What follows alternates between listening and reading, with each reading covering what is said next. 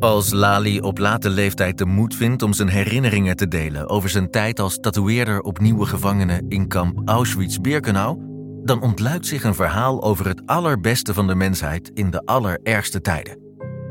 De unieke relatie tussen Lali en Gita vormt een rode draad door deze zesdelige serie. Ontberingen, haat, liefde, vluchten, hopeloosheid en uitzichtloosheid zijn het fundament voor dit ruim 80 jaar oude verhaal dat tijdloos is en herkenbaar blijft. Kijk de indrukwekkende serie The Tattooist of Auschwitz vanaf 7 juni exclusief op Sky Showtime. Hoi, Tom van Echt Gebeurd hier. Dat wij van mooie verhalen houden, dat is wel duidelijk. En daarom hebben we een tip voor je. Luister ook eens naar andere podcasts. Want door veel te luisteren, ga je beter luisteren. Luister bijvoorbeeld eens naar Alle Geschiedenis Ooit, waarin amateurhistorici Nienke de Jong, Arno Gnocchi en Tom Aalmoes de beste verhalen delen uit de wereldgeschiedenis. Je beluistert de podcast op Podimo, waar exclusieve podcasts en luisterboeken worden verzameld. Jij kan nu tot 14 juli 30 dagen gratis luisteren via www.podimo.nl slash luisterbeter. Ik ben Jacqueline en in de podcast Lust praat ik over relaties, intimiteit en alles wat met lust te maken heeft met ervaringsdeskundigen en experts. Of je nu in een relatie zit, single bent of iets daartussenin, Lust is de podcast voor jou. Overal te beluisteren, dus ook in jouw favoriete podcast-app.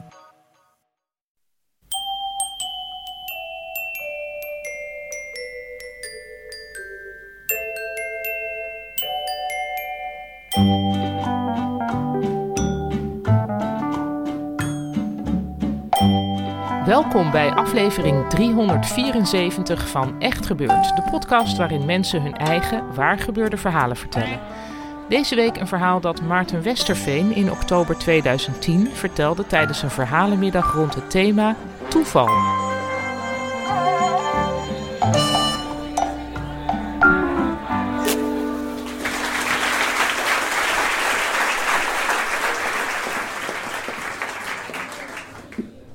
Um, anderhalf jaar geleden werd ik door een oud baas van mij uh, gevraagd of ik een pakketje wou afleveren in Engeland. Ik, uh, ik, had niet zoveel te doen. En hij moest de volgende dag een paspoort aan een van zijn werkgevers geven, een, uh, een wetenschapper in Engeland, in Oxford. En hij vertrouwde de couriers niet. Hij wou het per se diezelfde dag nog aan hem kunnen geven. Dus of ik eventjes naar Engeland wou gaan. En prima, helemaal geen probleem. Dus ik stapte in het vliegtuig. Ik stapte vervolgens in Engeland op de bus naar, uh, naar Oxford toe. En um, ik kwam op een gegeven moment aan. We reden door de glooiende heuvels. Het was, het was prachtig lenteweer. En um, door die heuvels heen zag ik al een klein wit huisje in de verte. En ik dacht bij mezelf, goh, wat zou toch mooi zijn als ik daar zou moeten zijn. En wat bleek, uh, daar moest ik ook zijn. Ik kwam aan. Uh, een, een, lieve vrouw, middelbare leeftijd, deed open Natuurlijk een handje, geen zoenen, want het blijven Engelsen. En um, ik werd door het huis geleid, door een nauw paadje. Uh, het was een cottage, oud en was volledig overeind gehouden door kolossale stapels boeken en opgezette dieren. Dat was eigenlijk het enige wat er in dat huis stond. En ik werd door het paadje naar de andere kant van het huis geleid, de tuin in. En, en daar zat hij, daar zat Charles. En voordat ik uh, ga vertellen wie dat is, waarom dat belangrijk is, moet ik misschien uitleggen dat ik al mijn hele leven lang anglofiel ben. Ik, sinds ik zes, misschien acht was, keek ik naar de televisie naar uh, Sherlock Holmes met Jeremy Brett. Ik weet niet of mensen dat nog kunnen herinneren. En, uh, een, een, een, prachtige verfilming van die verhalen van Sherlock Holmes. En sinds die tijd heb ik eigenlijk altijd al een 19e eeuwse Engelsman willen zijn. Het liefst met een draaiende snor. Ik kon me, een horloge dat je hier dan kon steken. Ik kon me niets moois voorstellen dan een Engelsman zijn. En het liefste dan, want ik woonde op dat moment in Twente. In Goor, wat een van de minst aansprekende plekken ter wereld is, kan ik u verklappen. Vooral bekend vanwege zijn asbest. Uh, en ik droomde van Engeland, want Engeland was voor mij het absolute beloofd land. Iedereen was daar dun, iedereen was daar bleek, iedereen was daar zoals ik, iedereen was daar ook ongemakkelijk. En ik smachtte mijn hele leven al lang naar Engeland om daar te mogen zijn en om daar uh, uh, gewoon alsof ik eigenlijk naar een natuurreservaat zou gaan, waar, alle, waar mijn diersoort ook uh, zich, zich ophield.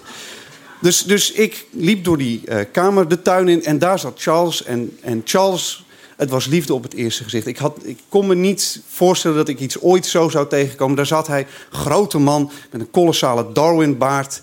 Lieve, van die lieve, serieuze ogen, zoals alleen Engels die hebben.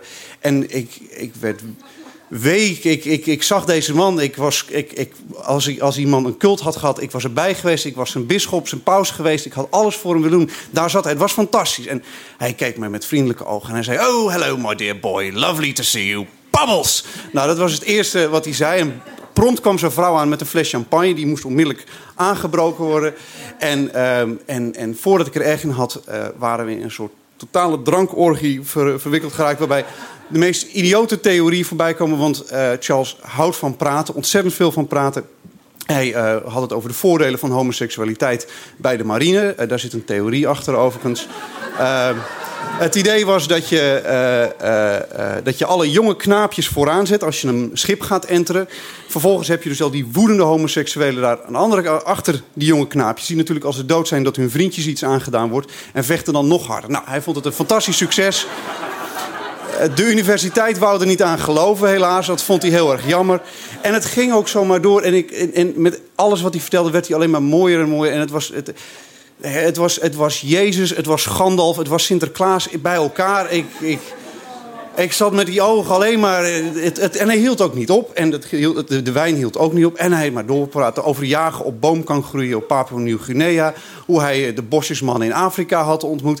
Deze man had, had de woeste oceanen bevaren met, met Noorse vissers. En daar dan weer prachtige verhalen. En het, het was allemaal geweldig. En deze man was aardig en lief. En hij vond mij ook steeds fantastischer. En hoe meer drank erin ging, hoe geweldig ik was. Ik, ik was gemaakt voor iemand in de Soedan. Zei you're, look, you're absolutely perfect. The girls will love you. I wish you were my son. Nou, u kunt begrijpen, op dat moment was ik ik, ik, stond op het punt om al mijn geboortecertificaten door te scheuren, mijn ouders achter me te laten en absoluut nooit meer in Nederland terug te keren. Ik was eindelijk thuis. Ik was gekomen waar ik had moeten zijn. En het was fantastisch. En hij praatte maar door. En, en, en het werd gezelliger en mooier. En het eten werd opgediend. Zijn vrouw had heerlijk gekookt. En we zaten er en het was prachtig. En het ging over van alles en nog wat. En op een gegeven moment ging het over lichaamsgewicht. Dat zal wel iets met mijn bouw te maken hebben. Zoals ik al zei, ik was gemaakt voor de Sudan volgens hem. In de Sudan is het heel heet. En dan helpt het als je lang en dun bent. Want dat wordt alle hitte weer afgestoten. Al dus, dus Charles. En... Um, dat lichaamsgewicht, uh, ik merkte op dat het in Engeland uh, toch niet zo goed meegesteld was. En hij, uh, ze dijen nogal uit. En hij zei, well yes, but you see, my daughter took a rather different approach to the whole matter. Um, zijn dochter had het heel anders aangepakt. En ik, um, het werd een beetje stil aan tafel. En, en hij begon te vertellen hoe zijn dochter uh, zwaar uh, anorexia-patiënt was geweest. Op het randje van de dood was gekomen. En het pluis op haar lijf had gekregen. De laatste graantjes, de laatste inspanning van het lichaam om haar te redden van de dood. En nou, ik, ik heb zelf zoiets ook van dichtbij mee mogen maken. Dus het was een erg. Het was een hele speciale situatie geworden. We, we, we leken elkaar allemaal te begrijpen. Charles en zijn vrouw zaten daar ook samen in die pijn, terugdenkend aan die periode. En op een gegeven moment hij schenkt zich weer in en draait dat glas zo. En hij zegt, well, you see, it's all down to my wife's insistence on her being on clarinet lessons. Oftewel, het lag allemaal aan zijn vrouw uh, die zijn dochter had gepusht om klarinetlessen te nemen. Nou, u kan begrijpen, dat gezicht van die vrouw uh, was al niet zo vrolijk, maar dat verschoot nog meer kleuren. En die begon meteen te, te protesteren. Helemaal niet. Dat wou ze zelf. Ze had zichzelf aangemaakt. Ik heb er helemaal nooit. Nee, nee, nee, nee, nee, nee, nee. Jij zette je voet neer en zij rebelleerde op de enige manier waarop ze kon. Nou, die vrouw, Engels als ze is, huilen was er natuurlijk niet bij, tippelt omhoog. Charles schenkt weer in, zuipt weer verder, verder doorpraten. Het was natuurlijk allemaal weer marvelous. En na 10 minuten, 15 minuten begon ik mezelf een beetje ongemakkelijk te voelen. En ik dacht, ja, dat kan daar hier niet zo, dat, gaat niet. Dus ik, eh, ik zei, gewoon moet u niet even omhoog kijken hoe het met uw vrouw is. En, um, en hij zei, well, uh, suppose you're right. Dus hij hijste zich op, waggelt de trap op. Ik zat daar dus in mijn eentje, nippend aan mijn wijntje. Het was opeens een stuk minder gezellig geworden. En een kwartiertje later komt hij terug. Ploft neer op de stoel. wil duidelijk niet meer naar beneden komen little bit of male insensitivity on my part, I guess. dat mannelijke ongevoeligheid, daar gooide hij het maar op. Nou, hoppakee, glas werd weer volgegooid. Was natuurlijk geen probleem. We gingen onmiddellijk weer door met verhalen vertellen. Tegen het eind van de avond, we waren vanaf zes uur begonnen met drinken. Dat glas was nooit langer dan drie seconden leeg. Dus tegen een uurtje of één waren wij volkomen, volkomen lijp geworden. Kon alleen nog maar in schreeuwen communiceren. Wat ook werkte. Het was alleen maar roar. Dat was het enige nog waarmee we iets aan elkaar duidelijk konden maken. We maakten hele bijzondere dingen aan elkaar duidelijk op die manier. En uh, uh, ik, uh, ik, moest, ik moest naar bed. Ik was helemaal kapot. Dus ik krijg een kolossale knuffel van die man. Go here, absolutely lovely creature. Toch weer, ja, enigszins met, met, met liefde vervuld in mijn bedje. Volgende ochtend, ik moest heel vroeg weg, want ik moest mijn vlucht om 12 uur halen. Ik moest diezelfde avond nog werken. Dus ik kom enigszins, uh, uh, ja, kachel uh, weer in de ontbijtkamer. Vrouw is natuurlijk weer aan het, aan het koken. En ik dacht, ja, god toch even vragen hoe het met haar gaat. Ik, hoe gaat het? Oh, lovely there, absolutely lovely. Want het zijn Engelsen, dus wat je ook doet, al ligt je arm eraf blijft gewoon rustig cool, want er is geen enkele reden tot hysterie. Um, en ik ging zitten, ik nam een eerste slokje thee en ik besefte dat ik dit niet nog eventjes moest doen. Ik verexcuseerde me, zocht een plekje ergens in de tuin uit. Heb me toen vijf minuten lang volledig leeggekotst en dan echt met die...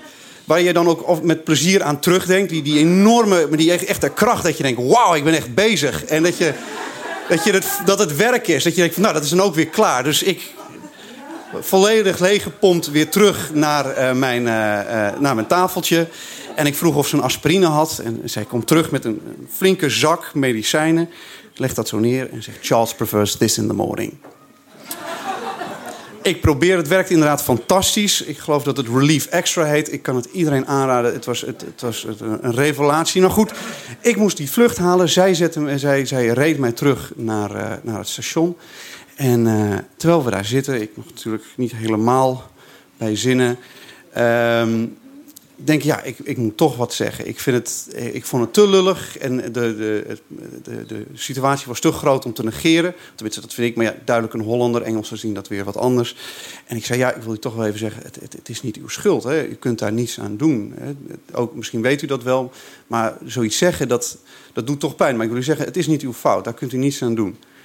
En zij rijdt vrolijk verder. Zegt, oh, maar dat scheelt helemaal niks, je lieve jongen. Want weet je, Charles is, het, is de blaming type. En vervolgens begon ze daar in die auto met het zonnetje schijnend... daar de meest gruwelijke details over Charles' leven uit te doen. Het lag altijd weer aan iemand anders. Het was zijn uh, moeder die losse handjes had. Het was zijn schoolmeester geweest die niet van hem af kon blijven. Het was altijd wat la la la la la. Dus ik zit daarna te luisteren... terwijl echt uh, zo'n beetje elke tragedie van Charles zo voorbij komt... En ik heb deze mensen goed en wel dus acht uur gekend op dat moment. Um, en ik, uh, uh, ik, uh, ik word neergezet, eigenlijk gedumpt. ik krijg nog een handje. En ehm, ik, ik, voordat ik het weet zit ik weer op vliegtuig. En, en ik, tien bizarre uren zijn voorbij gegaan. En ehm, ja, dan moet je vragen, wat is dan het moraal van het verhaal? Het enige wat ik... het moraal geldt eigenlijk alleen voor christenen in de zaal... die wachten op Jezus. Um, wees voorzichtig met wat je wenst. Want stel nou dat hij straks terugkomt en hij is als Charles... dan is dat een kon dat nog wel eens tegen gaan vallen voor jullie allemaal.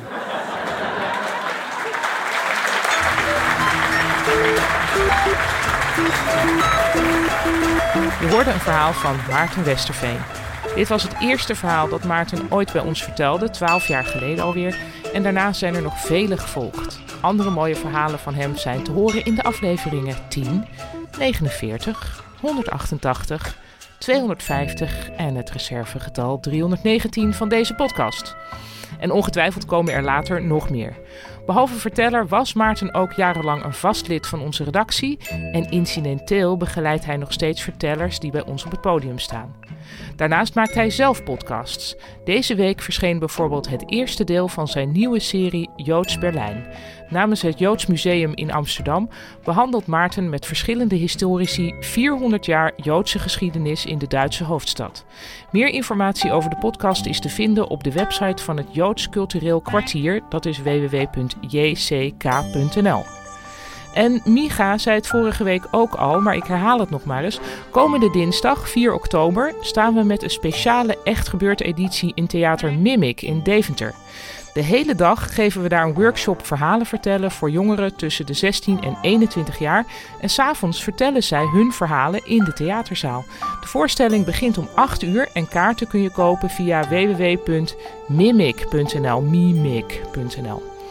De redactie van Echt Gebeurd bestaat uit Micha Wertheim, Bijke Aarts, Renette Kwakkenbos, Tom van Rooyen en mijzelf, Paulien Cornelissen.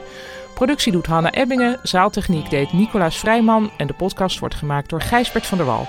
Dit was aflevering 374. Bedankt voor het luisteren en vergeet niet... You're absolutely perfect. The girls will love you. I wish you'd be my son.